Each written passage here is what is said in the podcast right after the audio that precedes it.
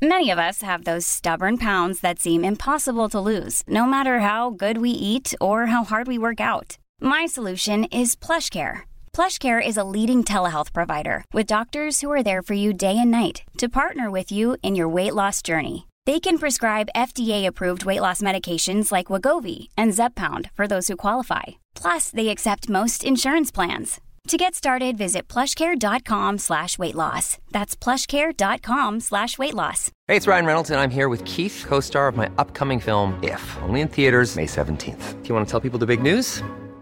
All right, I'll do. Sign up now and you'll get unlimited for $15 a month in six months of Paramount Plus Essential Plan on us. Mintmobile.com slash switch. Upfront payment of $45 equivalent to $15 per month. Unlimited over 40 gigabytes per month. Face lower speeds. Videos at 480p. Active Mint customers by 531.24 get six months of Paramount Plus Essential Plan. Auto renews after six months. Offer ends May 31st, 2024. Separate Paramount Plus registration required. Terms and conditions apply if rated PG.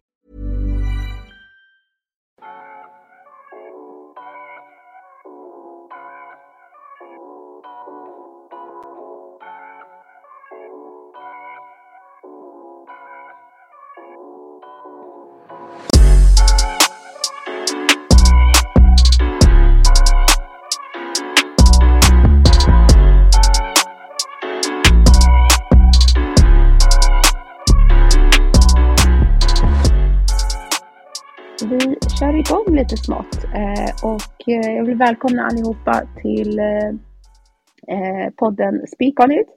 Eh, en ny typ av podd med mig, Aisha Jones, som spelas in live via Clubhouse med orsaken eller med förhoppningen om att folk ska delta i samtalet live och ha en möjlighet att ställa frågor, samtala med såväl mig och dagens gäst. Och idag så ska jag prata med mannen, myten, legenden ifrån Malmö som förenar hela Malmö och för kampen framåt. Jag talar självklart om Nicolas Lunaba. Uttalade jag ditt namn rätt för det första? Så du gjorde nästan det. Det är ett långt U. Jag brukar säga Lunarstorm. Lunarstorm. Ah! Men det var, det var bra alltså. Folk vet aldrig riktigt var det kommer ifrån och det är rätt bra. Vart kommer det ifrån? Mm. Jag är ju halvspanjor och halv, halvfinne. Född i ah. Spanien. Så folk tror att det är mitt spanska namn men det är faktiskt ett uh, fornnordiskt namn. Uh, något sätt. Uh, mm -hmm. Jättekonstigt. Spännande. Jag trodde faktiskt att det var... Eh, jag har förstått att du kommer liksom ifrån...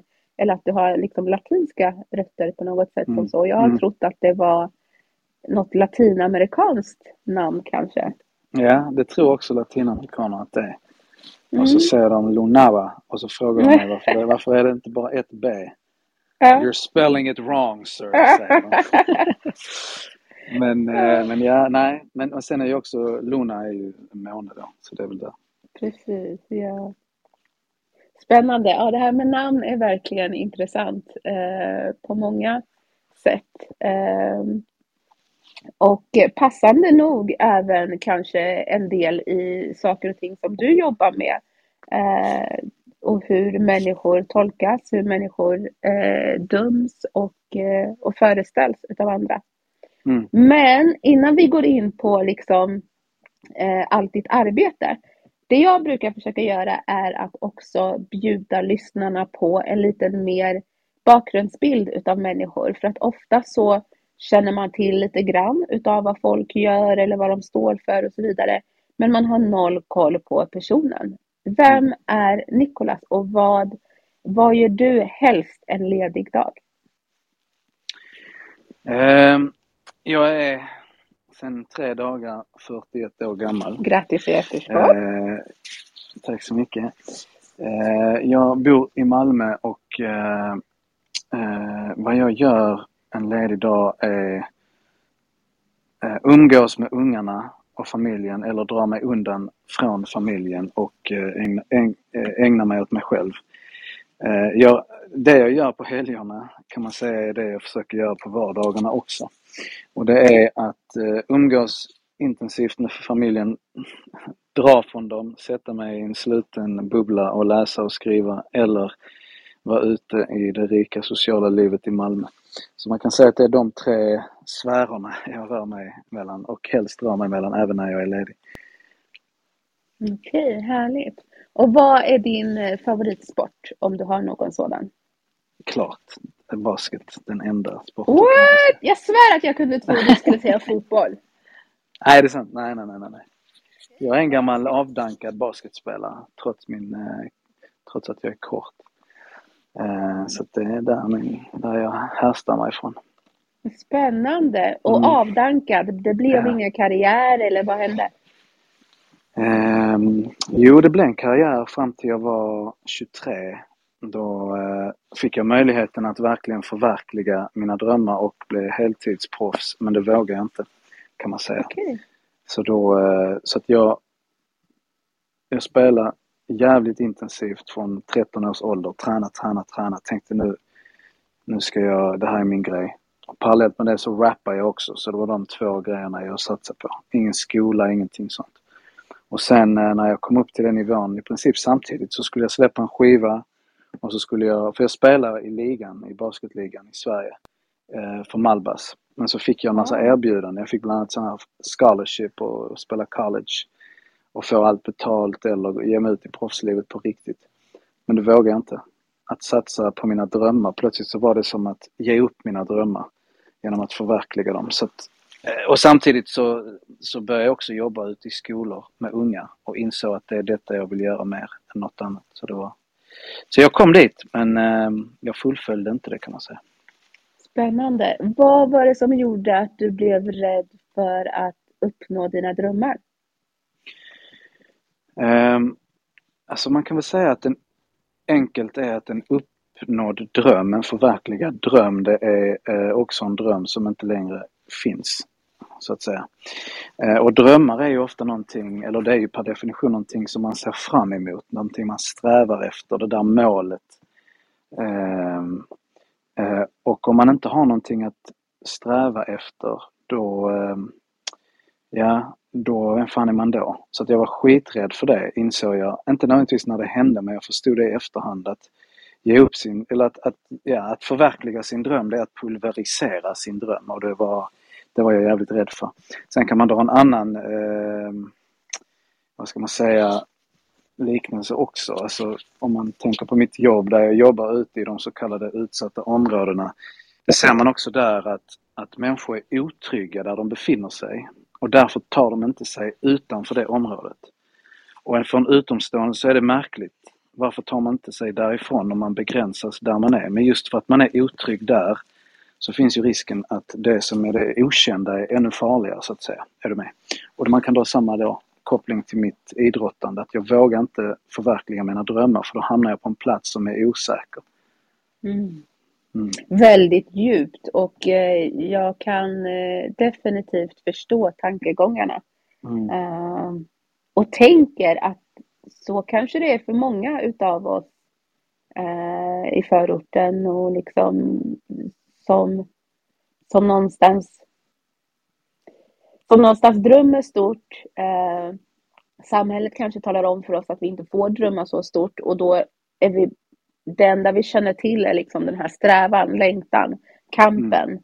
Mm. Eh, och när vi får chansen att faktiskt ta oss ur det så kan mm. det bli någon slags panik, chock, rädsla. Eh, för man vet inte vad mm. som kommer härnäst. Exakt så. Ja, spännande. Och jag, och jag tycker att det, det, är någonting vi inte pratar tillräckligt mycket om. Alltså det är också, det är också eh, nära relaterat med psykisk ohälsa, alltså eh, psykiskt... Eh, alltså vi mår ofta, växer man upp i de här, under de här omständigheterna, eh, tufft, eh, mycket press, stress, eh, så, så alltså det här är kopplat till, så att ofta, ofta när jag jobbar med unga människor så, så märker jag att, att de har fetaste drömmarna, en jävla massa energi. Men i och med att de inte mår bra i sig själva eh, så, eh, så eh, så finns inte den. Alltså framtiden är, är bortskuren på sätt och vis. Um, mm. Och jag tycker de, att vi kopplar det till psykisk ohälsa så att vi förstår vad klass gör med oss känslomässigt, psykologiskt. Uh, beskär liksom vår värld. jag tycker det, alltså det, det, det pratar vi inte tillräckligt mycket om. Jag, en, mina, många av mina vänner som jag hade när jag växte upp, eh, det är så symptomatiskt, man ser det i dem att de lever kvar i den 90-talsvärlden. Är du med? Just för att där fanns drömmarna, där fanns en tillvaro mm. som de liksom rörde sig med energi. Och sen när de mm. blev vuxna eller där någonstans sent i tonåren där de plötsligt mörkret föll på något sätt inom dem. Då, eh, så att de, de lever fortfarande på drömmar. De kan vara 40 bast och fortfarande prata om sin eh, obefintliga fotbollskarriär. Är du med? Mm. Alltså det finns någonting här som, som eh, vi är fast i någonting. Mm. Och det är nära relaterat till krossade drömmar och eh, psykisk, eh, psykisk ohälsa. Ja. Mm. Varför tror du att eh, så få gör en sån koppling? Um, alltså jag, jag, jag, tror därför att vi, vi kan prata om klass, vi kan prata om rasism. Men vi pratar ofta om, eller säg ojämlikhet som ett ännu mer så här vagt. Fattigdom är mer konkret att prata om men ojämlikhet är mindre konkret så att säga. Fattigdom mm. det betyder att du, du, inte har resurser i princip eller så kan man tolka. Mm. Men ojämlikhet, vad innebär det? Vad får det för konsekvenser? Och så. Och jag tror att vi bryter inte ner de här begreppen så att vi förstår dem i våra, i våra omedelbara tillvaro. Liksom. Är med? I våra liv, vår vardag. Vad får det för konsekvenser av min, för min ensamstående mamma? Mm. Att hon växer upp eh, som kvinna i ett miljonprogramsområde med begränsade resurser i välfärds, det så kallade välfärdslandet då, eller samhället Sverige. Mm. Är du med? Alltså vi kan prata i svävande termer men vi, vad händer i våra kroppar? Alltså rasism, mm. det är ju inte bara vaga termer utan det är ju, det är ju fysiskt, psykiskt våld, symboliskt våld. Är du med? Vi mm. måste mm. bryta ner det. Och det är samma sak där. Jag tror att, att äh, min erfarenhet just med, med unga människor som är så fantastiskt men också så förödande, det är att man ser att de, de äh, det är så mycket energi, det är så stark vilja att leva, att bryta sig fri. Eh, men där är också allt det som hämmar dem och håller dem kvar. Och man ser hur de sakta men säkert med åldern bryts ner. Och det är klass, det är rasism. Är du med? Mm. att, eh, vi pratar inte om det därför att jag tror att vi, vi, vi har en förmåga att, att eh, göra det här för abstrakt. I synnerhet i partipolitiken och så. Mm. Mm. Och hur kan man då bryta ner det och göra det mer påtagligt, göra det mer eh, verkligt kanske. Går det? Absolut. Vad vi, vad vi pratar om mycket eh, inom min organisation det är att vi säger maten före moralen. Alltså vi, vi eh, man kan också säga att Sverige är ett land väldigt mycket präglat eh, och, uppbyggt utifrån ett medelklassperspektiv. Till skillnad från hur det var eh, säg för ja, 40-50 år sedan och så vidare då det, då det var mycket, mycket mer ett arbetarklassperspektiv. Så att nu någonstans så förutsätts, förutsätter myndigheter eller idrottsrörelsen att människor har ätit, att människor har det tryggt hemma. Är du med? Så allting är utformat utifrån mm. det och söker du hjälp från, säg socialtjänsten, så är det någonting fel på dig för att allting funkar ju. Så vad är, vad är det egentligen du har gjort fel här? Är du med? Mm, mm. Och, och det medelklassperspektivet är, är förödande för, för uh, de som inte är medelklass. Mm. Och, och där, när vi då säger först så måste vi så att vi, vi inom vår organisation vi vände mycket på detta. Vi sa att vi, vi kan inte förhålla oss till det längre, vi måste bygga våra egna, våra egna fritidsaktiviteter eller så. Och då insåg vi också, ja men då måste vi, om vi har det perspektivet så måste, så är behoven äta, tryggt rum, trygga vuxna. Eh, alltså det finns en massa basbehov som måste tillgodoses. Mm. Och när vi gjorde det, då kunde vi börja prata om de här frågorna. Är du med? Så då plötsligt, mm. okej okay, jag är trygg, jag har ätit. Jag är bland mm. människor som bryr sig om mig. Fan, mm. jag har träffat Aisha nu flera dagar i rad. Hon verkar jävligt schysst. Då kan mm. man börja öppna upp. Då kan man börja definiera. Mm. Så det tror jag, det, det, är också en sån sak som vi inte pratar om därför att vi är liksom indoktrinerat medelklassiga också, vi som inte är från medelklassen. Och det mm. tror jag är en sån default setting typ. Mm. Alltså hur kan, vi, hur kan vi röra oss bort från det? Mm. Så det jag hör är att du säger eh, att eh, någonstans har samhället och eh, samhällsinsatser gått från att vara för en arbetarklass eh, till att vara till att liksom status quo är en, eh, en medelklass. Eh, och i det så tappar vi mm. väldigt många som, som inte är där och, och på det sättet inte får den hjälpen, den grundläggande hjälpen som behövs. Precis så. Och sen finns det, det finns ju jättemycket här man kan, man kan koppla. Så här finns kön, etnicitet och så vidare som man kan koppla in i ekvationen. Men det som också har hänt är att vi har en ny, en ny typ av fattigdom, alltså det man kallar prekariatet i Sverige också, som mycket mer liknar den, den eh, fattigdom vi hade alltså i princip innan demokratin slog igenom i landet. Så på många sätt är, landet lika ojämlikt som det var för hundra år sedan. Eh, även om det är en helt annan, ett helt annat samhälle idag så är det ändå så mm. att folk är fattiga på ett sätt i Sverige, utsatta eh, om man jämför med barn när jag växte upp. Jag är född 81. Mm. Sverige, var som, Sverige var världens mest jämlika land 1980. Alltså, mm. så nu har vi ett prekariat, en underklass, en, ofta liksom en rasifierad underklass som är inte bara exkluderade ur det här medelklassstyrda eh, eller vad man ska säga inrättade samhället utan också används som slagpåse i debatter, eh, existerar inte i medierna annat än som du vet, eh, mm. i avhumaniserande termer.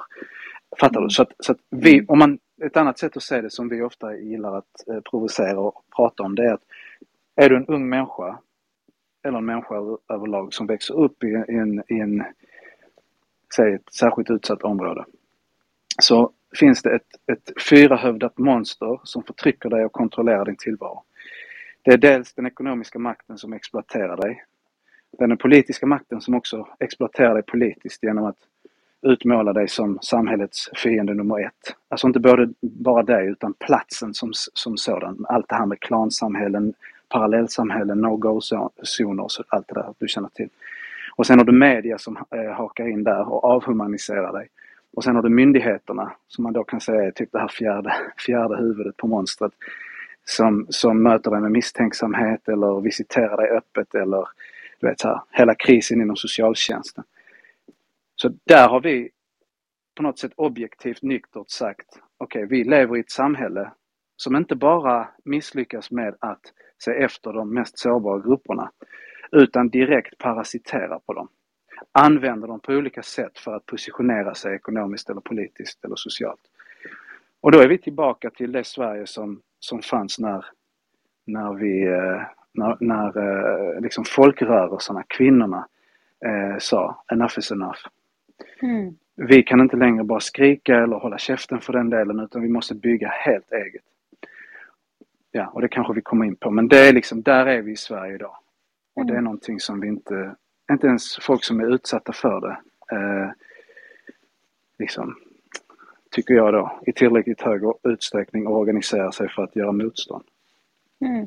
Och om vi pratar om det här fyrahövdade mm. monstret eh, mm. Och tänker att vi ska vara så konkreta som möjligt och inte fastna i det här abstrakta.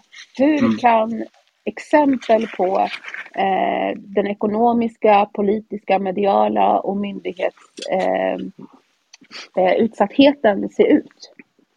Om du kan ge något exempel liksom, så att det blir solklart för den som mm. lyssnar. Mm. Alltså ett enkelt sätt att besvara den frågan det är att kolla på hur det ser ut i områdena. Alltså om du är en, en jag spelade in ett sommarprat för att ta ett exempel, ett mer konkret exempel. Jag spelade in ett sommarprat eh, förra året. Och då vill jag precis utifrån din fråga Isha, konkretisera. Hur ser en enskild, eller hur kan en enskild individs sammanhang, som vi ofta pratar om, alltså vi måste förstå de unga i sitt sammanhang. Hur kan det se ut? Och hur kan vi utifrån det förstå varför vissa människor, alltså unga människor, skjuter ihjäl varandra? Är du med? Alltså hur kan vi bryta ner de här sakerna på ett sätt så det blir begripligt? Det vill jag göra och då tror jag, säg en ung man som växer upp i ett sånt här område och så ställer jag den retoriska frågan.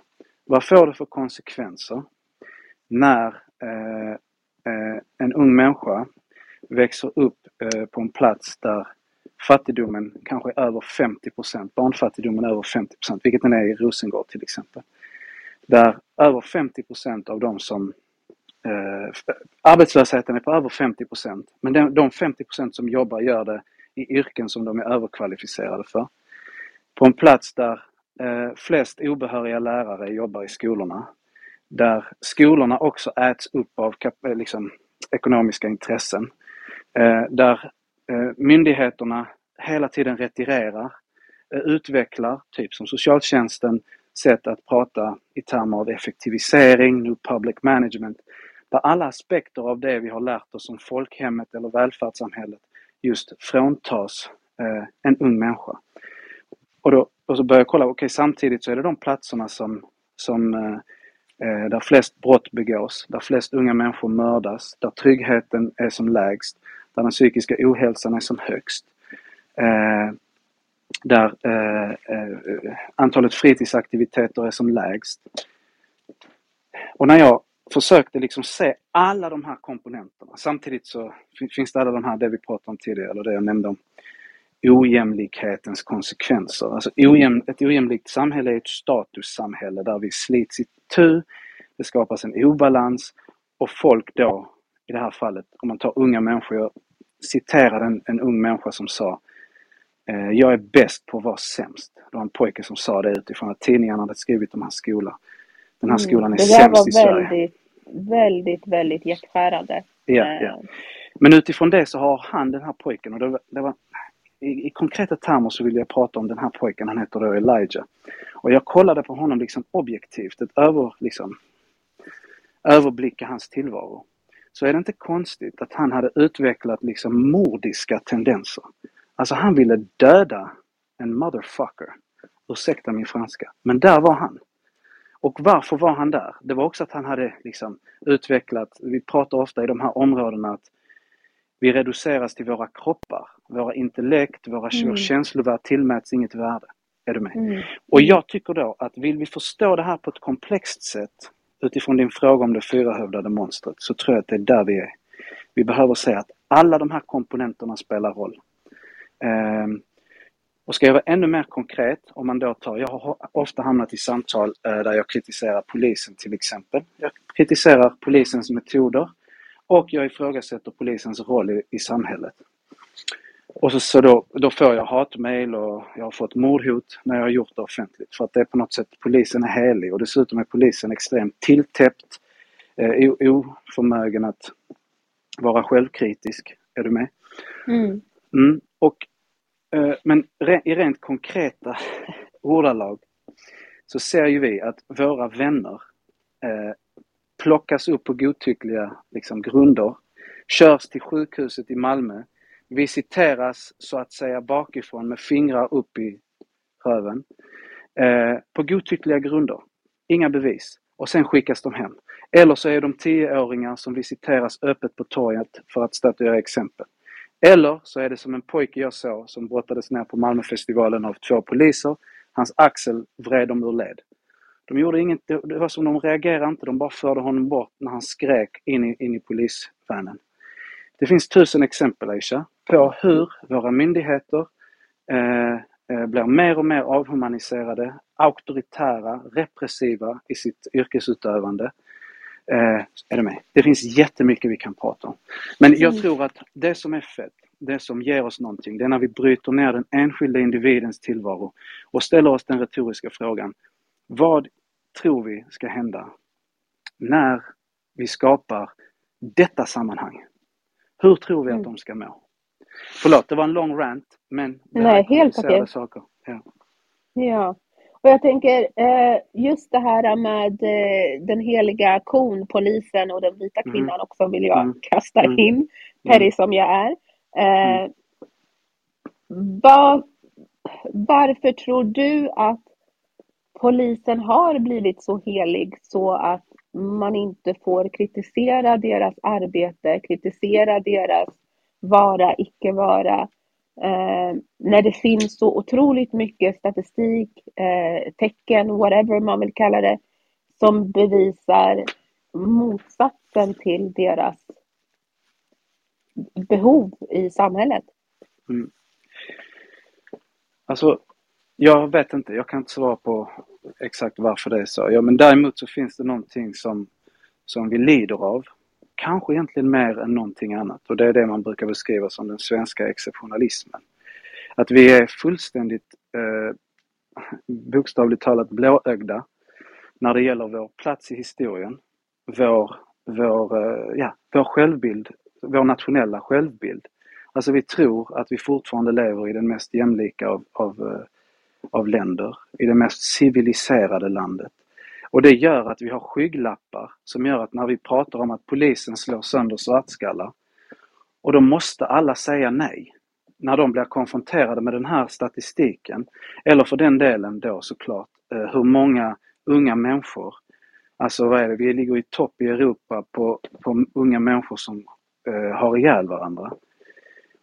Det går inte att ta, att förstå det här våldet, att förstå, eh, att, att ta till sig eh, polisens eh, våld. Eh, därför att det här är, det, det, kontrasterar för mycket med hur vi ser på oss själva. Det är min erfarenhet. Alltså att vi, vi tänker att vi är, vi är de bästa. Polisen kan inte fela för att om, om, om vi ska ta till oss det faktum att polisen beter sig som de gör så måste vi också konfronteras med det, den värld de, de gör detta i så att säga. Alltså det våld som mm. produceras, som klassamhället producerar. Och det är också det som gör, tror jag då, att, att eh, att, eh, att vi kan sälja ut skolan, att vi kan ska, bygga det samhälle vi gör där, där, eh, som är då det snabbast växande, alltså ojämlikheten är den snabbast växande i hela västvärlden, i Sverige. Mm. allt, detta, allt, allt detta kan vi acceptera därför att det omvända, att ta till oss det, säger någonting om oss själva.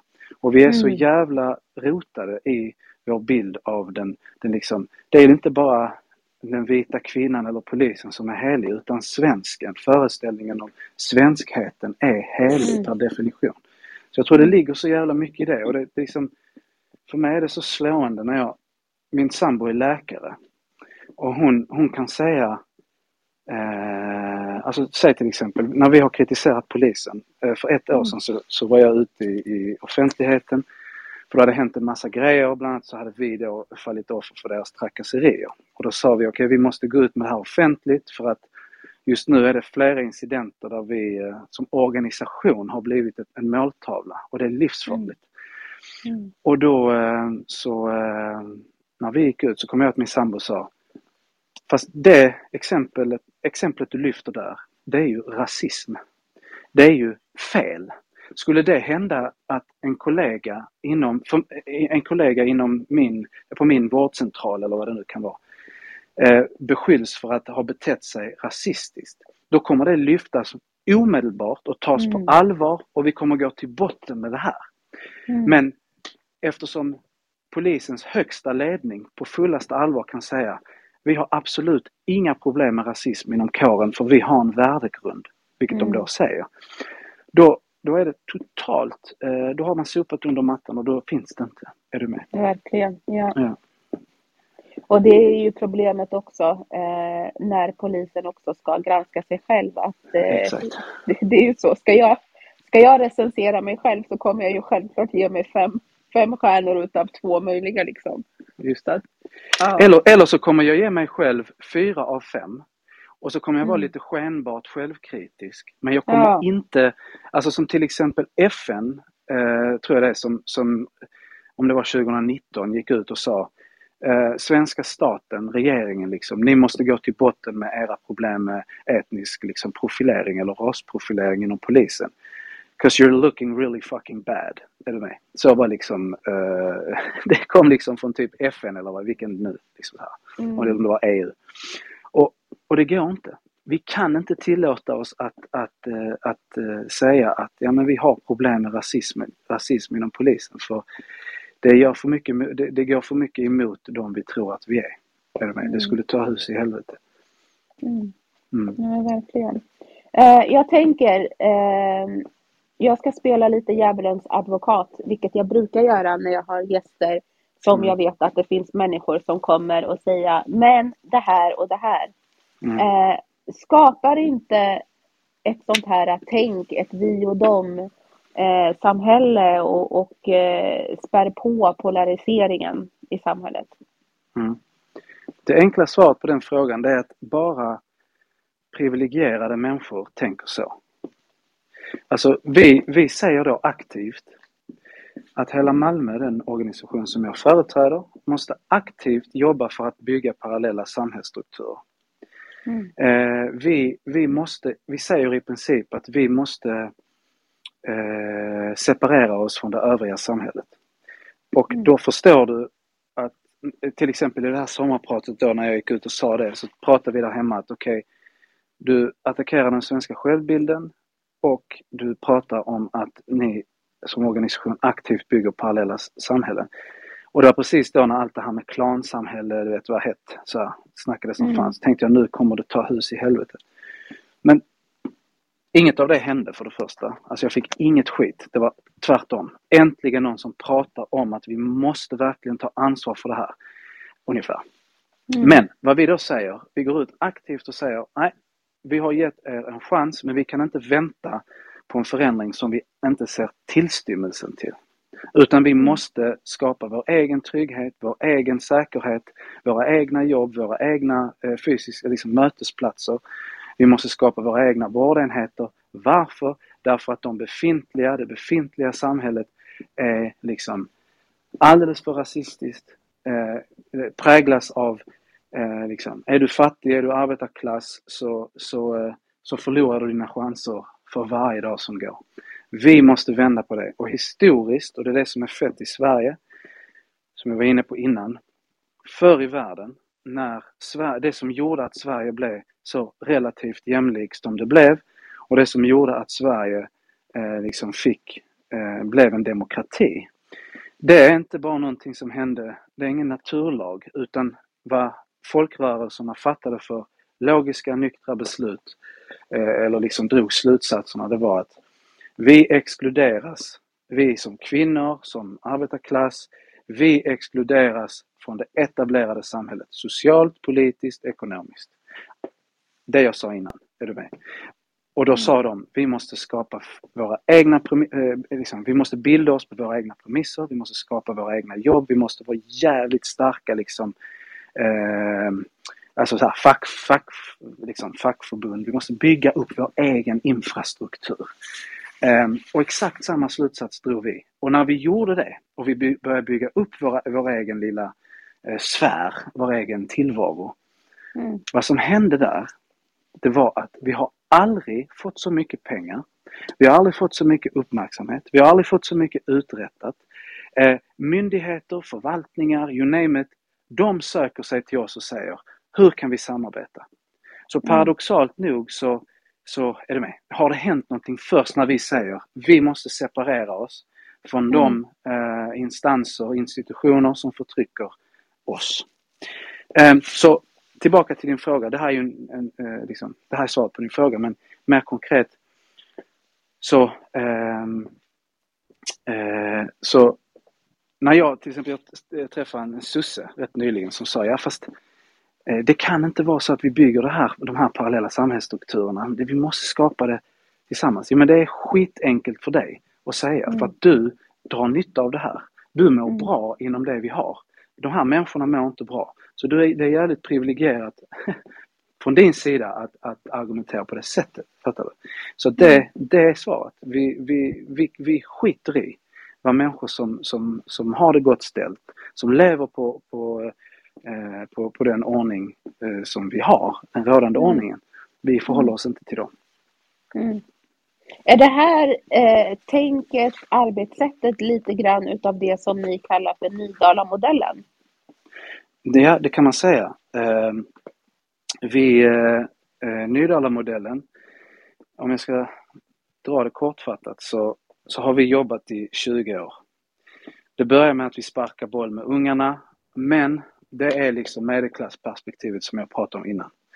Vi sa vi kan inte lura oss eller dem och säga att det räcker med att de kastar boll. För de kommer hit och de är otrygga, de mår dåligt, de är hungriga. Så där måste vi börja. Vi pratar ofta utifrån Maslows behovstrappa, alltså vi säger att Vi måste se till så att det finns liksom en grundläggande, de basbehoven måste vara tillgodosedda innan ett självförverkligande är möjligt. Ehm, och det tänket applicerar vi då på eh, ett område då som heter Nydala, det är ett så kallat särskilt utsatt område. Då sa vi så här, okej okay, vi är runt om i stan, vi jobbar, men det duger inte. Vi koncentrerar 75% av våra resurser eh, på ett område. Och så visar vi, eh, så etablerar vi det vi kallar en social infrastruktur grundat i, grundad i de eh, lokala behoven. Alltså detta är det vi också kallar områdesorganisering. Fokus på de lokala behoven. Detta är liksom, har vi inte erfarenheter av i nutid i Sverige men internationellt är detta vad alla gör. Är du med? Vi måste börja lokalt. Hur, hur skapar vi det vi är, det, råder brist på? Varför görs det, att, det internationellt och inte i Sverige? Därför att, eh, som jag sa innan, jag tror att insikten är för, för, eh, för dålig. Vi, vi, eh, jag menar hur många, hur många riktigt starka organisationer ser vi i förorterna till exempel eller i mm. de så kallade utsatta eller särskilt utsatta områdena. Alltså mm. om jag, om jag, om, det jag tror mest på, det är det vi jobbar med. Där, återigen, mm. vi, vi, vi, vi försöker etablera en social infrastruktur själva. Mm. Det är det vi kallar då, uh, in other terms, liksom parallellsamhälle. Mm. Så vad vi gjorde var att vi, vi gjorde en kartläggning över åtta månader. Hur ser de lokala behoven ut? Och då såg vi eh, till exempel unga tjejer ville komma i kontakt med ungdomsmottagningen. Eh, det var öppen droghandel på torget, eh, barnfattigdomen hög, arbetslösheten hög och så vidare. Och så vidare. Vi hade mm. 60 punkter. Detta är då eh, Nydala-modellen. 60 punkter. Av dem kunde vi åtgärda själva 30 eller liksom bidra till att eh, åtgärda 30. Eh, men de övriga 30 var vi tvungna att ta hjälp. Och där är vi pragmatiska. Där ingick vi samarbete med ungdomsmottagningen som byggde en avdelning i, i våra lokaler. Eh, samma sak, vi byggde det första biblioteket i området på flera decennier. Vi serverar numera nästan 5000 måltider i, i, månaden därför mm. att vi såg att serverar vi mat så kan vi skära ner på framförallt barnfamiljers utgifter och de mm. pensionärer som lever jävligt knapert med flera tusen kronor i månaden. Och när vi då införde allt detta så ökade tryggheten i området med nästan 8 mm. Och 8 på bara, ett, på bara ett år. Dels så var det värsta rekordet i Malmö. Men överlag så kunde vi sen visa, kolla här. Vi har skapat sociala problem här genom att vi har urholkat området. Vi återinförde liksom eh, de här sociala, eh, vi säger då, sociala problem kräver sociala lösningar. Så vi kom in med de lösningarna. Life is full of what ifs. Some awesome, like what if AI could fold your laundry? And some, well, less awesome, like what if you have unexpected medical costs? United Healthcare can help get you covered with Health Protector Guard fixed indemnity insurance plans they supplement your primary plan to help you manage out of pocket costs. No deductibles, no enrollment periods, and especially no more what ifs. Visit uh1.com to find the Health Protector Guard plan for you. Hiring for your small business? If you're not looking for professionals on LinkedIn, you're looking in the wrong place. That's like looking for your car keys in a fish tank. LinkedIn helps you hire professionals you can't find anywhere else, even those who aren't actively searching for a new job but might be open to the perfect role. In a given month, over 70% of LinkedIn users don't even visit other leading job sites. So start looking in the right place. With LinkedIn, you can hire professionals like a professional. Post your free job on linkedin.com slash achieve today. It's that time of the year. Your vacation is coming up. You can already hear the beach waves, feel the warm breeze relax, and think about work. You really, really want it all to work out while you're away. Monday.com gives you and the team that peace of mind. When all work is on one platform and everyone's in sync, things just flow wherever you are. Tap the banner to go to Monday.com. Hey, it's Ryan Reynolds, and I'm here with Keith, co star of my upcoming film, If, only in theaters, May 17th. Do you want to tell people the big news? All right, I'll do. it. Sign up now and you'll get unlimited for $15 a month in six months of Paramount Plus Essential Plan on us. Mintmobile.com slash switch. Upfront payment of $45 equivalent to $15 per month. Unlimited over 40 gigabytes per month. Face lower speeds. Videos at 480p. Active Mint customers by 531.24 get six months of Paramount Plus Essential Plan. Auto renews after six months. Offer ends May 31st, 2024. Separate Paramount Plus registration required. Terms and conditions apply if rated PG. utifrån de lokala behoven. Och vi förändrade dynamiken i hela området. Mm. Rent konkret så kostade detta 2,5 miljoner att göra. Mm. Och om man då förstår att på Rosengård så kan de bygga upp ett event med lite tält och någon trälåda som, som de tar in någon svindyr arkitekt och det kostar 2,5 miljoner. Är du med? Mm. Så, så det är Nydala-modellen. Och eh, vad vi gjorde sen det var att vi tog alla lärdomar, vi jobbar mycket med forskare och så sa vi här är 15 punkter. Det är de här 15 punkterna som gjorde så att vi förändrade dynamiken. Bort med den öppna droghandeln, in med liksom konstruktivt positiva saker. Använd kraften som finns. Och det är det är det jag menar. I Sverige, och jag säger inte detta för att briljera, utan det finns ju en förtvivlan i det. Så är det väldigt, väldigt få som, som tänker i de termerna. Att förändringen kommer när vi, eh, när vi tar makten i våra egna händer. Inte på Mm. något annat sätt. Och det vet vi också historiskt och internationellt. Mm.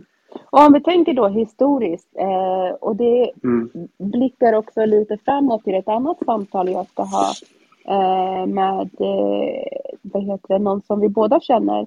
Eh, mitt utifrån perspektiv är ju att Mm. hela Malmö arbetar ifrån eh, en abolitionistisk synsätt eh, och tankesätt. Mm. Är det något du kan hålla med om och eh, om inte, varför? Om ja, varför? Eh, ja, och eh, det kan man väl absolut säga att vi gör. Men aboli abolitionism i Sverige, alltså det är också... Vi måste tänka att vi använder inte nödvändigtvis de termerna. När jag pratar med min syster Lina, som jag säger är med här, Mm, eh, så pratar vi om abolitionism. mm, Men vi måste bryta ner, vi måste hitta termer också som gemene förstår. Så Mm. abolitionism som idén, eller för, liksom idén om att vi måste abolish the old in with the new. Eller Mm. liksom eh, så, som jag förstår det. Ja, Mm. det skulle jag absolut säga att vi gör. Men jag Mm. tror att, att eh, termerna kan också vara svåra att förstå för en som Mm. inte förstår. mm. Men ja, det gör vi. Och hur kommer det sig att man pratar så lite om abolitionism i, eh, i Sverige? Är vi rädda för liksom den, eh, den tankebanan och, och ordet i sig, abolish? Mm, Eh, Ja, ja, exakt. Jag tror, att vi, jag tror det också, men jag tror att termen i sig, det är liksom, jag tror att vi, vi, vi pratar om det, men som jag sa innan så pratar vi inte i befrielsetermer på det sättet. Mm, I auton, alltså, liksom förståelsen eller övertygelsen om vikten av autonomi, av självständighet, självbestämmanderätt, egenmakt. Återigen, det här är Mm. flummiga termer vi kan slänga oss med, men vad betyder de om vi bryter ner dem? mm, Vi, vi, vi är inte kapabla i tillräckligt hög utsträckning att, att, eh, att eh, ens föreställa oss en ny eh, ordning, en ny tillvaro.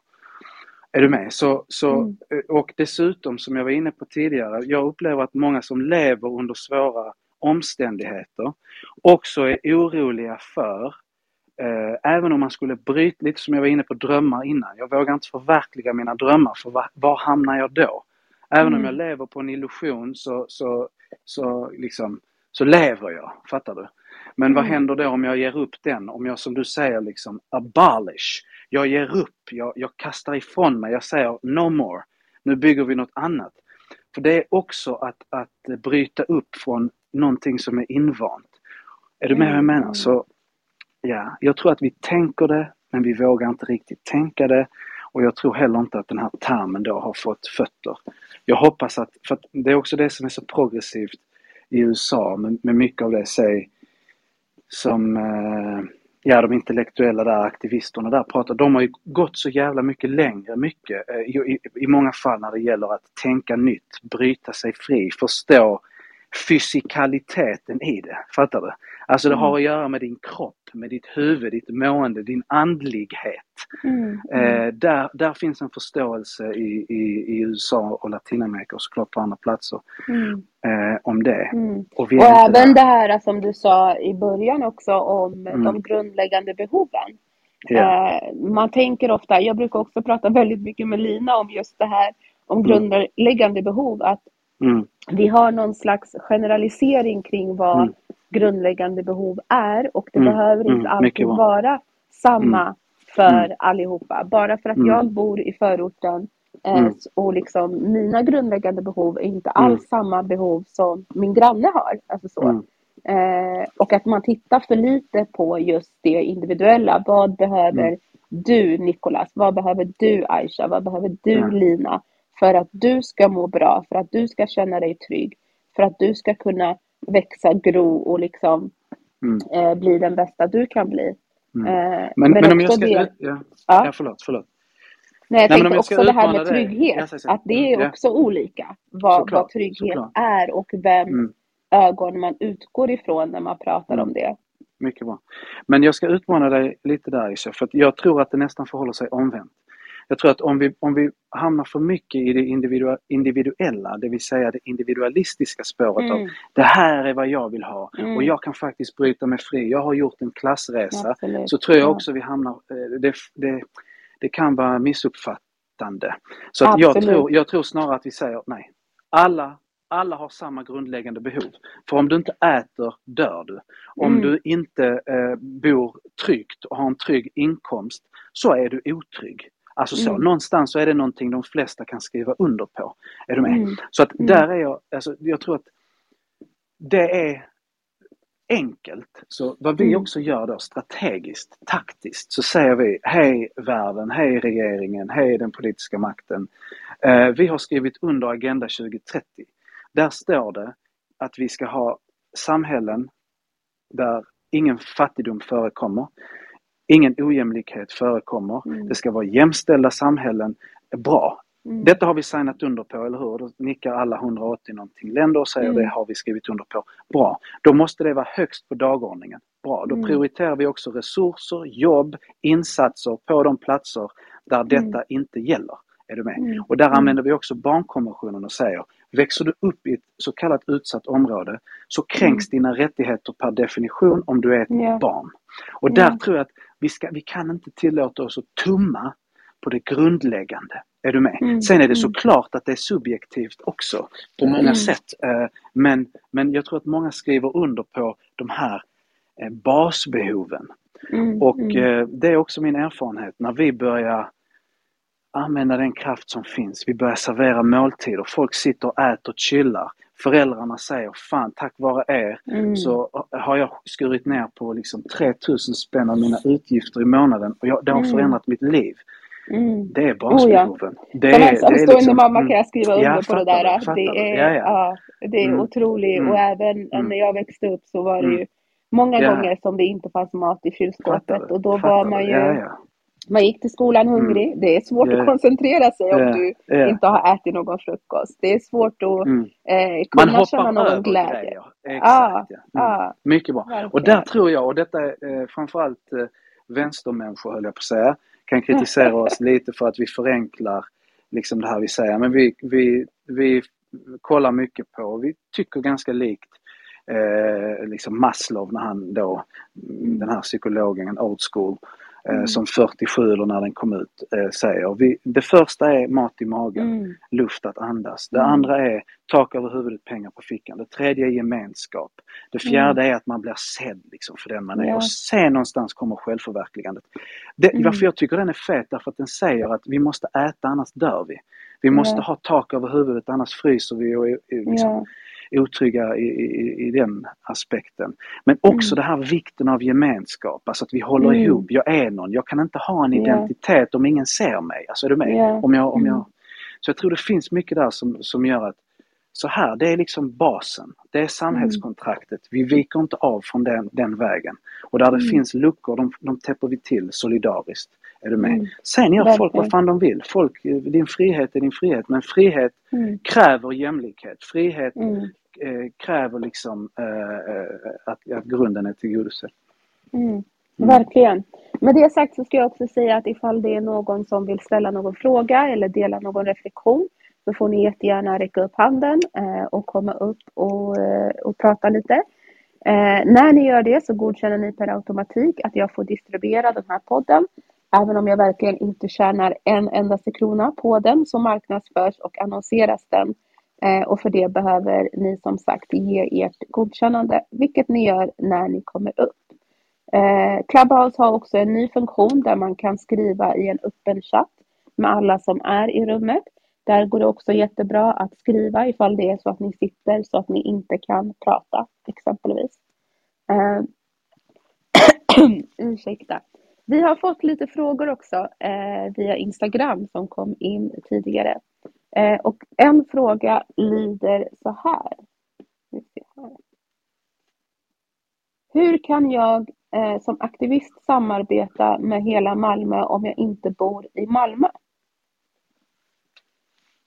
Um, jag är inte säker på, det beror lite på vad man menar med samarbete. Alltså vad vi, vad jag tror mycket det är att folk utbyter idéer, eh, gräv och gräver där de står. Alltså, eh, jag kan ta ett exempel. Eh, Huey Newton som var grundare till Black Panthers i USA. Alltså den, eh, vad ska man säga, radikala svarta rörelsen. Eh, han, han drog slutsatsen mot slutet av sin aktivistkarriär kan man väl säga, om man ens vill kalla det karriär. Men liksom innan Black Panthers löstes upp så sa han nej, vi måste gå bort, detta som jag tolkar det och som jag förstår det.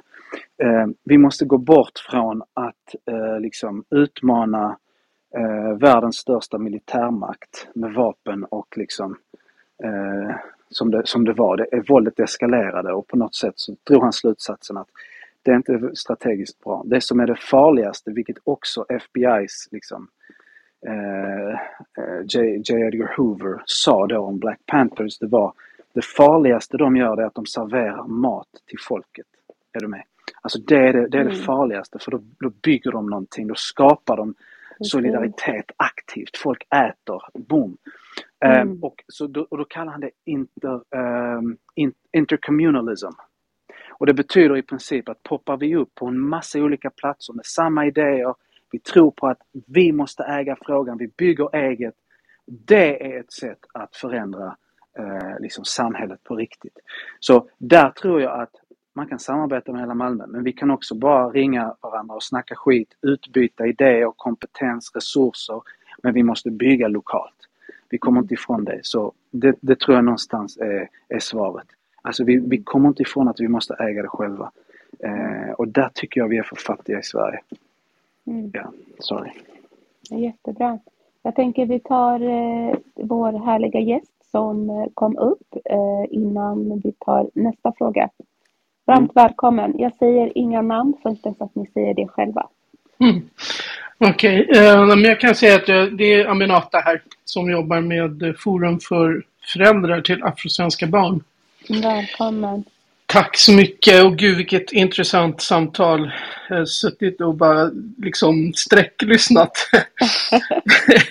en del svåra ord som sagt. Men alltså, min fråga faktiskt här till Nikolas.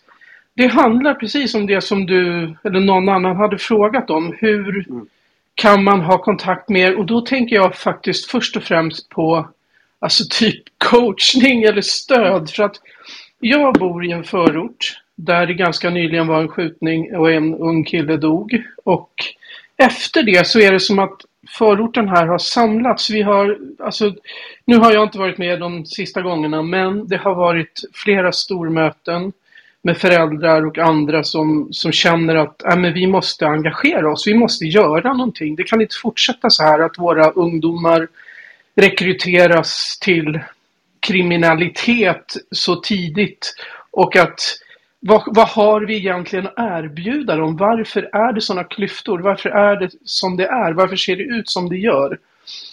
Och eh, när jag lyssnade på dig nu så fick jag sån otrolig lust att liksom höra mer om hur ni har burit er åt och kanske få råd kring hur man kan organisera sig. För att än så länge är det här bara en väldigt lös konstellation där jag bara är en liten del av den så att säga. Men jag skulle så gärna vilja att, att de andra fick höra det du har berättat. Och eh, ja, jag vet inte, vad har du för förslag? vad ska man göra för att kunna dela era erfarenheter? Ja, alltså, och, och uh, att den här föräldragruppen då, först och främst tack för din fråga. Det, det är ju det här som är fett liksom. Alltså hur, hur vi befinner oss i en situation som är ohållbar. Vi, föräldrarna börjar säga det, det, det liksom, enough is enough. Och där finns någonting. För att det, det är liksom där i sorgen, förtvivlan och framförallt ilskan som man säger. Där föds det någonting. Alltså det är också en sån sak som jag tror skitmycket på. Vi måste odla ilskan. Vi får inte bli liksom varken för, för glada med, med alltså vi, så, vi måste hålla fast vid det. Och jag märker det nu när jag fått mycket uppmärksamhet, säger de, framförallt efter sommarpraten, så vill folk nästan förhålla sig till mig. Fan vad, fint, vad fint att du pratar om detta. Jag säger nej, jag är fucking arg. Och jag är arg på dig och jag är arg på den här situationen. Jag kommer dra nytta av den om jag kan för att lyfta de här frågorna.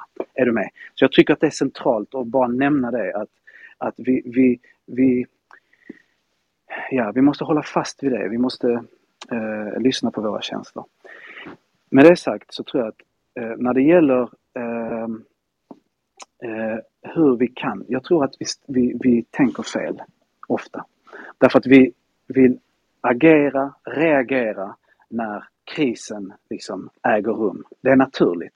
Det var lite om man tänker Black Lives Matter, liksom folk ut på gatorna, rättmätigt, arga som fan. Men min känsla var också, var, det var liksom att, okej okay, men sen då? För det är en sak, och apropå Lina då, som, som är med här och lyssnar, där vi, prat, vi har pratat mycket om skillnaden mellan att mobilisera och organisera. Är, med, är ni med? Vi kan vara arga som fan men vi måste ja. ut på gatan med hur organiserar oss vi, eh, vi oss kring eh, någonting. Så mm. eh, förstår du vad jag menar? Den, den är också, eh, tror jag, viktig att ha med. Men här är grejen. När det gäller att bekämpa kriminalitet till exempel, eller det dödliga våldet, så är det flera saker som måste in. Det ena är, vi accepterar inte den liksom, oroliga, eh, liksom, nojiga medelklassens syn på det här. För att folk är jävligt upprörda för att plötsligt så skjuts det, människor mördas. Shit, kan min son, min dotter också drabbas? Men de bryr sig inte ett skit om att folk lever i misär. Så det är inte bara liksom bekämpandet av kriminalitet med akuta åtgärder vi får bry oss om, utan vi måste säga hur kan vi leva bra? Vilka brister ser vi? Vad är, det vi vad är det vi är i behov av? Är du med? Alltså vi är fattiga i tanken där. Vi tänker att ja, men det, det är bara det här problemet som måste åtgärdas. Så att vad vi har sagt då som organisation, det är att vi måste in med akuta åtgärder som inte, är våra erfarenheter, är auktoritära. Utan vi har tunga, unga vuxna från området som, som är grupperade, som på, på sätt och vis eh, liksom fel ord att använda, men infiltrerar de här grupperingarna och erbjuder andra gemenskaper. Är ni med? Alltså in med den tunga kraften och det kommer bara funka om vi har våra egna platser i området. Är ni med? Så att akuta insatser för att bryta det destruktiva. Det andra är det långsiktiga tänket om att bygga de alternativa strukturerna. Så det säger jag till alla, samma sak där i, i ditt område eller om vi skulle samverka och säga var, var kan vi börja för att både jobba akut och långsiktigt. Mm. Är ni med? För att annars så, vi är fattiga där. Vi tänker inte att vi måste leva bättre. Det är konsekvens, skjutningarna är konsekvensen av att vi lever för jävligt. Mm. mm. Jag tänker det man ser ofta är väl någon slags, och även med BLM, och jag tar fullt på mig mm. ansvaret mm. för kaos. Men eh, jag tänker att det man ser är ju ofta att folk bara behandlar liksom skadan men inte, inte, inte liksom symptomet, inte orsaken till varför. Mm. Mm. Som så. Det är som om, om alltså, och, och det tror jag är väldigt väldigt talande för Sverige och hur mm. man i Sverige ser på mm. den utsattheten som finns till exempel mm. i eftersatta områden. Hur man ser på den stigande kriminaliteten och skjutningarna Mm. och liksom allt. Mm. Mm. Man, man bara slätar över det och tänker att ja men det blir bra. Men man tittar Mm. inte på varför har det blivit så här? Mm. Jo men det är för att skolan inte har funkat. Mm. Eh, jo men det är för att folk bor för trångt. Jo men det är för Mm. att eh, folk inte har ett framtidshopp eller en vision om att de faktiskt kan eh, klara skolgång, få ett jobb, Mm. alltså så. Mm. Jag tänker också att jag, jag tänker också så här att det är en fråga om att man måste ha, alltså ungdomarna måste ju vara med själva. Det går inte att massa föräldrar sitter som vi har gjort och, och pratar om, ja vad ska vi göra åt det här då? För att precis som du sa Niklas, det krävs ju liksom att de som själva lever och är mitt i det här måste vara med om att vilja skapa en förändring. Men jag, jag vet inte hur man ska, hur vi ska nå dit, men vi Mm. kommer att försöka. Ja, jag, jag kan också bara säga att jag, jag, det kan också vara ett, ett tankefel där. Och nu, nu spelar jag äh, djävulens advokat lite, men alltså det är, ofta så tänker vi att ungdomarna måste vara med och bestämma. Det ska vara ungdomarna som, som intar rummen. Och jag tror det är feltänk. Jag tror att det är så eh, vi har på något sätt i Sverige, säg de senaste 15 åren, också eh, matat bilden liksom, eller tycker den är sexig. Unga från förorten som organiserar sig och skriker och kräver någonting. Men var fan är alla de vuxna? Var är alla föräldrar? Var är, alltså så. så att jag tror att jag är 40 nu. Jag vet mer, jag förstår mer, jag är mer trygg än jag någonsin har varit. Det är det åldern gör med en, så att säga. Är ni med? Vi behöver ta ansvar. Ungarna behöver inte vara med. Om vi förstår ungarna, de är våra ungar, så vet vi också någonstans, detta är vad vi behöver göra för dem. Det är ju den vuxnes roll, så att säga. Att, att säga, mina barn, jag vet, vad de, jag vet hur de funkar. Men jag kommer inte skicka dem så att de ska förändra sina liv. Nej, nej. Jag är den som måste skapa förutsättningarna för dem att kunna leva ett värdigt liv, så att säga. Förstår ni? Så det är också där jag diggar det här med att det är föräldrarna som organiserar sig. Alltså den kraften, den, den tycker jag slår allt. Kan föräldrarna liksom eh, skapa den här, de här eh, alternativen, då är vi på väg någonstans. Men vi ska inte lägga det på de, på de unga. De behöver inte ens vara med där. De får, de får liksom, they reap what we sow. Tycker du det? Att man behöver liksom inte ha med ungdomarna från början? För att det är där, det är där vi har liksom suttit och funderat. Att i början så var många ungdomar med för att det handlade om att det var, ja, det var minnesstunder och liksom Mm, mm, allt det där. Eh, men nu så är det inte, ja det har inte varit alls många som har varit med. Men det, idéerna vad man ska göra finns ju kvar och vad vi vill göra och ilskan och sorgen och allt det här finns ju Exakt, fortfarande exakt. kvar. Att bygga på och ut, Ja. gå ifrån. Alltså inom, Mm. inom kriminologin så pratar man ofta om att, eh, alltså det jag var inne på innan med sammanhang, alltså unga människor, säg, eller en trygg människa har flera sammanhang att vistas i. Det kan vara hos farföräldrarna, i skolan, i laget, hemma hos familjen, där man känner sig trygg. Risken att utsättas för kränk, kränkningar är små, är det med? Eller obefintliga. Jag är en trygg människa. Ju fler sådana sammanhang man berövas, desto otryggare blir man och desto mer törstar man efter en gemenskap. Och det är det man ser i de här kriminella grupperingarna ofta, att de har inga trygga sammanhang att vara i. Så de håller fast vid sina vänner som fan och om det är någonting som hotar den gemenskapen, vad är det vi ser? De till och med mördar sina egna vänner. Så vi, Mm. vad vi kan göra som vuxna, det är att skapa de här gemenskaperna. Är ni med? Så till exempel, vi vet att de här, säg på Nydala, där var eh, de som sålde droger öppet varje dag i området i princip. Eh, de var i åldrarna 16 till 19. Vi aktivt, vi la, i rena pengar så la vi en kvarts miljon på att våra topp 3-4 pedagoger hade, de- i 3-4 månader skulle jobba med de här eh, unga männen, lära känna dem, ta ner dem i våra lokaler under dagtid, skapa en ny gemenskap och vuxna som de kunde se upp till. Så då använde vi den här resursen som är de här äldre syskonen i området, är du med? Som hade tillgång till mat, till pengar, till lokaler. Och då såg vi hur den här grupperingen sakta men säkert löstes upp. Och de här ungarna som är exakt i den åldern och det är exakt den typen av unga människor som har ihjäl varandra. De, någon eh, kom till komvux, någon eh, liksom började praktisera och är numera eh, jobbar inom, eller utbildar sig inom räddningstjänsten och så vidare och så vidare. Så vi följde upp den gruppen två år senare och de hade fortfarande, de alla utom typ en, två, whatever, 12, 15 hade hittat något mer konstruktivt.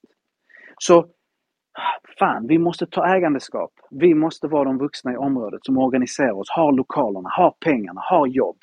För då skapar vi någonting som, fan det, detta vill ju jag vara. Fan vad fett det är att vara en revolutionär eller en aktivist. Eller bara komma ner här och käka mat med de här sköna förebilderna. Så det tror jag är viktigt att göra på lokal nivå. Tack så mycket. Jättefint. Tack, Tack. själv. Eh, vi ska snart avsluta men vi har en person till som har kommit upp eh, på scenen. Vill du dela med dig av en tanke, reflektion eller ställa en fråga? Hej, uh, jag skulle vilja ställa en fråga. Um, jag tycker att det är jättefint med den här organiseringen som man uh, som försöker ordna upp uh, som på egen hand. Men jag undrar lite så här om du fick önska, vad, vad skulle det behövas från myndigheter för att liksom underlätta orga, organiseringen? Uh, jag tror eh, inte att vi kan jag tror inte att myndigheterna kan underlätta organiseringen. Alltså eh, myndigheterna per definition upprätthåller ett orättfärdigt system eller liksom orättvisa strukturer eh, eller exkluderande strukturer. Så jag tror att de kan inte eh, per definition underlätta för organiseringen. så att, och det, det, är också där jag tänker att vi ofta tänker fel. Eh, vi inom vår organisation tänker ofta att vi, vi jobbar på två sätt. Vi kallar det ena det pragmatiska, där vi samarbetar med myndigheter och så. Men det är inte där förändringen sker på sikt. Utan det är det andra, det mer radikala, det revolutionära nästan. Det vill säga att vi måste stöpa om det här jäkla samhället. Det är också det vi pratar i termer av idag. Vi säger systemskifte, den stora omställningen. Vad vi pratar om är att vi, vi måste revolutionera våra sätt att leva, vår relation till natur och, och djur och så vidare. Så att eh, det är en eh, självmotsägelse på något sätt, eller en paradox eller vad man ska säga. Det, det går inte ihop. Eh, däremot så kan vi fortsätta eh, ställa krav på myndigheter att, att eh, jobba utifrån de behov som finns. Och det är där vår pragmatism kommer in. För som jag sa tidigare så vi samarbetar med ungdomsmottagningen. Vi har skitfina relationer med dem. De har byggt upp en instans, vi delar ut gratis mensskydd, vi gör jättebra saker. Men det kommer inte förbättra hela ungdomsmottagningen utan där kommer vi in på de mer liksom radikala, vi kräver någonting, vi bygger någonting. Om inte det är med så, så eh, eh, åt helsike mer. Typ. Ja, nej men äh, absolut. Jag tänker mer liksom utifrån de strukturer som mm. finns mm. inom mm. myndigheterna för att mm. uh, det som uh, jag har varit med här tidigare och uh, angående med rasism och där så tror jag det kom upp någonting i samtalet om att mm. det finns ju engagemang och förändringar men mm. alltså, någonstans är det som att det tar stopp på en högre nivå på grund mm. av det är som att mm. uh, det är så slutet på något sätt att mm, uh, det absolut. kan vara vita som sitter i styrelsen eller um, som den problematiken att mm. det som kunna förändra åt det hållet också uh, samtidigt för jag tänker det finns ju fortfarande ett narrativ om att mm. man ska söka hjälp och vända sig till exempelvis socialen mm. eller att polisen som du berättade ska mm. vara liksom något heligt och det blir mm. lite så här en dubbel på något sätt för att det är mm. som att det förväntas att man ska ha förtroende till myndigheterna men mm. det är ju de som bryter ner förtroendet. Mycket bra, uh, mycket bra sagt. Uh, så det, jag funderar lite liksom på hur man, och det är kanske en för stor fråga att svara mm. på. Det kanske man inte kan svara på så mm. här men um, jag, jag kanske så här är lite naiv men jag kanske hoppas liksom på att mm. det går att förändra därifrån också, liksom från båda hållen. Även om det är så fint att mm. man någonstans um, kan börja från det hållet som du beskriver och mm. utifrån ditt perspektiv. Mm. Nej men vi jobbar ju, som jag sa, vi jobbar med båda. Alltså vi har en skyldighet, anser vi, principiellt att samarbeta med myndigheter. Därför att de har, de, de, de opererar ju så att säga med våra skattepengar. Eller hur? Alltså mina hårt ja. förvärvade pengar går inte till, till vår, våra barn eller till oss. Så att pengarna finns där, de har en skyldighet, de har en uppgift, de har ett ansvar att göra detta. Så att vi säger, vi, vi måste för, fördela de, eh, de resurserna rätt. Vi måste använda de resurserna. Många av de här Mm. myndigheterna som man träffar, eller snarare personerna som jobbar inom myndigheterna, de säger ni har helt rätt. Som, som i fallet ungdomsmottagningen. Eller, jag ska ta ett ännu bättre exempel, socialtjänsten. Det ringde en, en chef eh, inom socialtjänsten i Malmö till mig för kanske en månad sedan. Och det var, det var jävligt hetska debatter, liksom, till och med demonstrationer mot socialtjänsten. Där det utmålas i media och politiker och myndighetsföreträdare eh, bilden av, av att eh, ungefär svartskallar är, eh, och, och muslimer i synnerhet är konspiratoriska. De går runt och säger men vi tar deras barn. Jag vet inte om ni följde den debatten. Det uppstod en Ja. kris. Mm. Så när hon ringde mig så var hon skitfin. Hon bara... För, för hon sa, vi har eh, liksom klippt bort hela den relationella delen av vårt sociala arbete. Så vi tror att, att liksom, eh, ni vet, eh, evidensbaserat, effektiviserat liksom, eh, myndighetsutövande liksom så, som är socialtjänsten, New Public Management, allt det som har hänt där. Där man kopplar bort den del som är den absolut viktigaste. Så säg socialtjänsten. Om, när min morsa, eh, hon, vi hade inte pengarna. Och jag sa till henne, varför går du inte till SUS? Varför tar vi inte eh, liksom socialbidrag? Hon bara, ta aldrig det ordet i din mun. Här i mitt hem och så. Fattar ni? Men, men där är det liksom, den instansen har klippt bort att människor är sköra, är behövande. Så när de Mm. kommer med i sin desperation så måste de tas emot på ett värdigt sätt. Men man har tagit bort den delen när det uppstår en kris. Och då säger folk, med rätta, socialtjänsten tar våra barn. För det är precis det de gör. Men så utmålas det i medelklassens, liksom, med det narrativ som finns. Nej, ni är konspiratoriska. Nej, ni har klippt bort hela den delen. Och det var fett, för hon som ringde mig då, eh, hon, den här chefen, hon sa, jag håller helt med i din analys. Det är precis det vi har gjort under flera decennier. Vi har klippt bort den delen och nu får vi ta det. Nu, Mm. nu kommer det tillbaka och jagar oss liksom. Så det är hela tiden det här ge och ta. Men vi sätter bäst press, vi skapar den bästa, mest liksom, hälsosamma konkurrensen om man vill, genom att bygga eget. Så vi sa till stadsbiblioteket i Malmö, hej, ni har inte byggt, ett, det finns inget bibliotek på Nydala, hur kommer det sig? Och då sa de, nej shit fan, eh, det borde det ju göra. Ja, säger vi då. Det finns i era dokument, ni ska tillgodose, liksom, tillhandahålla bibliotek och böcker till alla. I synnerhet de i utsatthet. Och då sa vi, vi kommer bygga vårt eget bibliotek här, vår egen logistik och vi kommer bränna er för att ni inte gör ert jobb. Och vad sa de? Självfallet sa de, vänta, vänta, vänta, vänta, vi kommer, vi bygger ett bibliotek tillsammans med er. Hade vi bara, hade vi inte hotat eller byggt vårt eget så hade det aldrig kommit dit. Förstår ni vad jag menar? Mm. Eh, så att jag tror att det är liksom den relationen vi måste ha, den synen vi måste ha på myndigheterna. Mm. Ja. Ett svar eh, som kom ifrån Lina i chatten är att myndigheter kan hjälpa till genom att minska sin maktutövning. Eh, även medvetna högt uppsatta sitter på makt som hör hemma hos folket. Säger Lina i chatten. Mm. Eh, Ja, det, det, kan, det kan de göra, men det kommer de inte göra om de inte känner sig pressade. Mm. Alltså, för vi kan inte förlita oss på enskilda personers eventuella godhet. Det är också det som är lite problemet. Det är därför vi, det är därför vi måste diskvalificera hela, hela liksom myndigheten. Vi måste säga, precis som med polisen, det sitter i era väggar Mm. och det är där det aboli- abolitionistiska kommer in. Vi Mm. måste tyvärr förkasta hela systemet. Därför Mm. att det spelar ingen roll om det är någon som gör hit och dit bra grejer. Vi Mm. måste omstöpa det här. Och det Mm. gäller, ni kan inte nämna, tror jag, en enda stor organisation i Sverige, civilsamhällsorganisation, eller stor institution eller myndighet eller politiskt parti som företräder den rasifierade arbetar och underklassen. Som har denna grupps intresse för ögonen. Det existerar inte. Och det betyder att systemet är ruttet på alla håll. Mm. Och då spelar det ingen roll enskilda eh, goda insatser. Det spelar roll såklart, men ni förstår vad jag menar. Förändringen Mm, kräver mm. någonting annat. Mm. Nej men verkligen.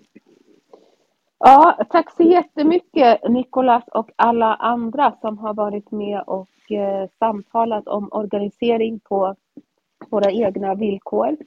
Eh, otroligt eh, givande och eh, eh vad heter det på svenska?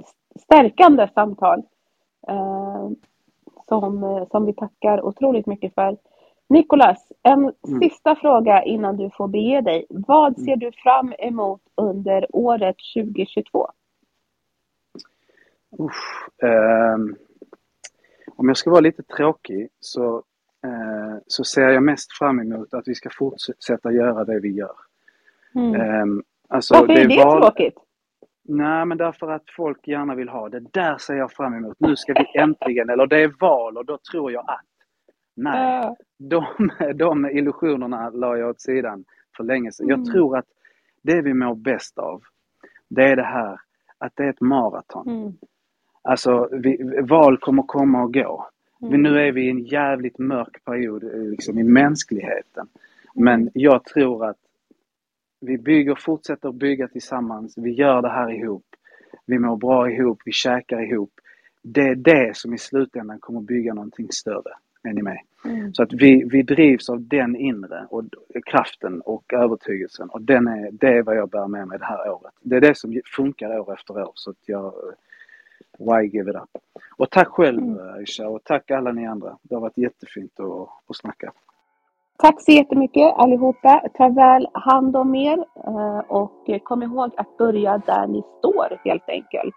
Det är det viktigaste och det är så som vi Eh, Eh, rör oss framåt. Tack för idag Nikolas och tack alla ni som har lyssnat. Hej då! Tack själva, hej då!